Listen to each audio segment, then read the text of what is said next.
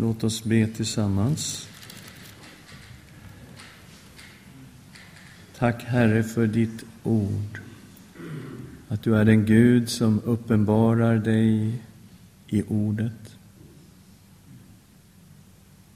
Så vi ber, tala till oss idag i Jesu namn. Amen. Vi var på Torpveckan, Maggan och jag. Och jag hörde en, eh, en bra grej på Torp, kan man göra. Eh, det var en som sa så här, för länge sedan så trodde man att allting roterade runt jorden. Och det är konstigt, man tycker att de inte fattar det här, att liksom trodde att jorden var allting centrum och allting roterade kring jorden. Men nu, 2014, så har vi ju förstått sanningen att hela universum roterar kring mig. Att det är jag som är allting centrum. Och så här tänker ju den moderna människan. Så tänker ju eh, människan i Sverige.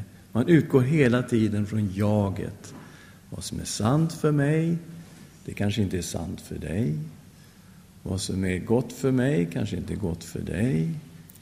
Det är jag själv som avgör vad som är rätt eller fel för mig. Vad jag ska tro på och vad jag inte ska tro på. Hela tiden är det jaget som är min referenspunkt och hela universum roterar kring mig. Och med den här världsbilden så kommer vi till Kristus. Och då hände någonting märkligt, för att då helt plötsligt möter man en helt annan agenda.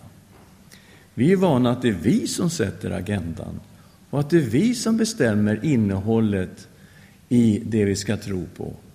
Men när man kommer till Bibeln är det precis tvärtom. Då är det Gud, den allsmäktige, som sätter agendan och talar om för oss vad som är rätt och fel, vad som är gott och ont och vad vi ska tro på. Och det här gäller ju också en församling.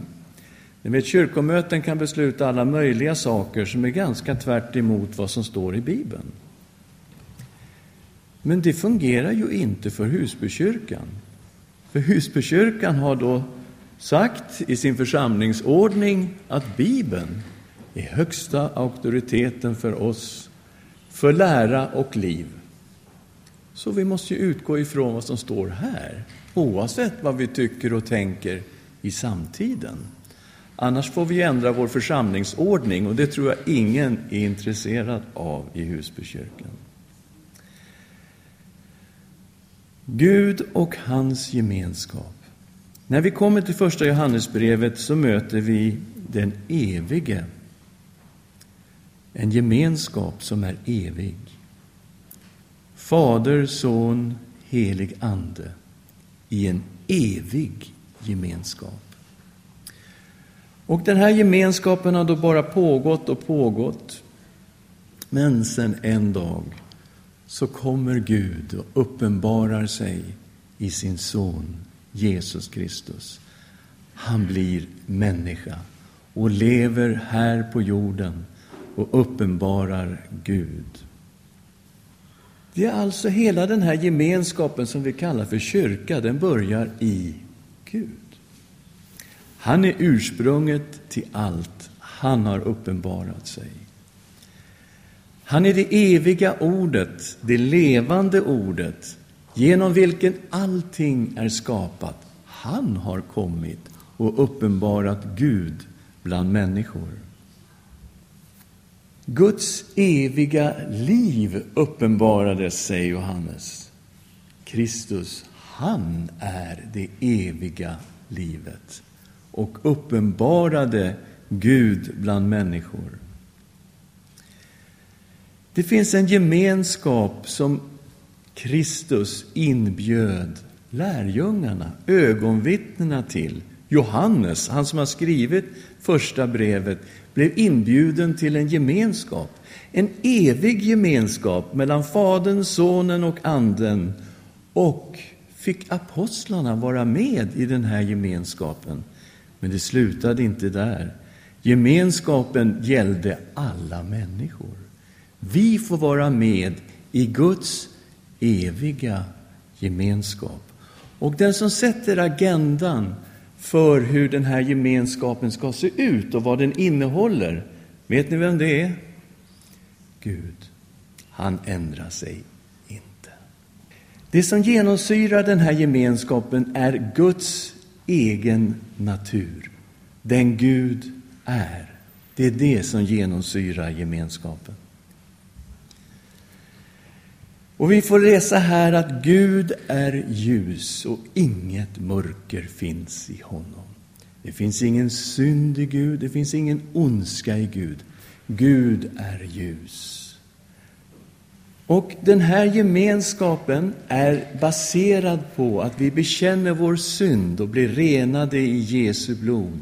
För om vi säger att vi har gemenskap med Gud och vandrar i mörkret, så ljuger vi. Det finns ingen möjlighet att den som vandrar i mörkret kan ha gemenskap med Gud, han som är ljus.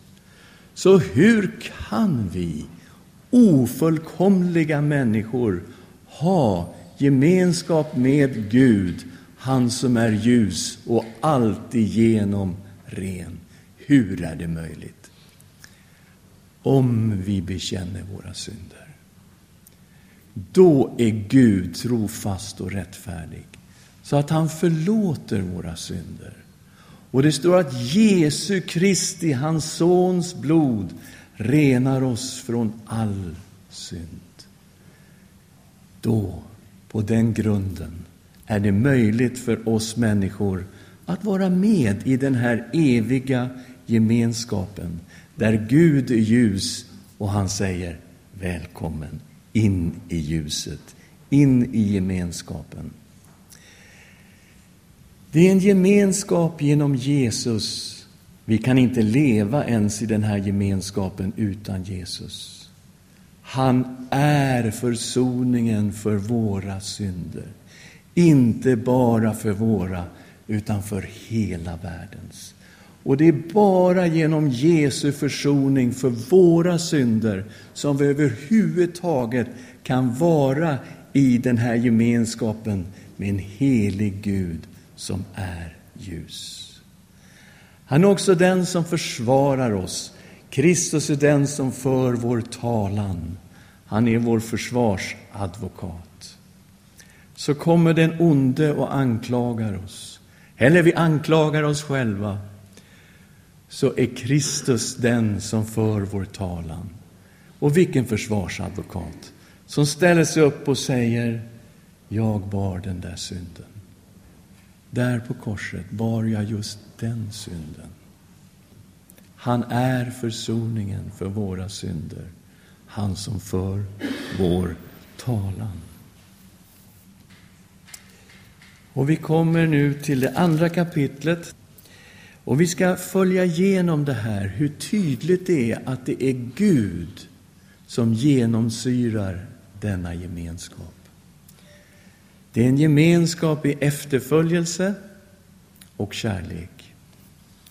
Vi läser kapitel 2 och vi läser först de första verserna här. Vi vet att vi har lärt känna honom när vi håller fast vid hans bud. Den som säger jag känner honom och inte håller fast vid hans bud, han är en lögnare och sanningen finns inte i honom. Men hos den som håller fast vid hans ord har Guds kärlek verkligen nått sitt mål. Så vet vi att vi är i honom. Den som säger sig förbli i honom är skyldig att själv leva som han levde. Det är alltså han som är referenspunkten. Hur levde vår älskade Herre och Mästare? Han som kom in i världen och uppenbarade Gud. Hur levde han? Han var alltigenom ren. Han var alltigenom god. Han höll alla tio Guds bud. Är ni överraskade att Jesus höll alla tio Guds bud? Vi vet att vi har lärt känna honom när vi håller fast vid hans bud. Och vi ska alltså leva som han levde. Och när vi inte klarar det här, vad gör vi då? Bekänner våra synder. Och Gud är trofast och rättfärdig. Han förlåter oss våra synder och Jesu, hans sons blod, renar från all synd. Visst, det gör vi. Dagligen. Dagligen. Men vi håller fast vid hans bud. Därför att vi vet att vi är kallade att leva som han levde. Det är en gemenskap som är baserad på Guds kärlek. Guds kärlek. Vi läser vidare, vers 7 11. Mina älskade, det är inte ett nytt bud jag skriver till er, utan ett gammalt som ni har haft från början. Detta gamla bud är ordet som ni har hört. Ändå är det ett nytt bud jag skriver till er. Detta är sant i honom och i er, eftersom mörkret viker och det sanna ljuset redan lyser. Den som säger sig vara i ljuset och hatar sin broder är ännu kvar i mörkret.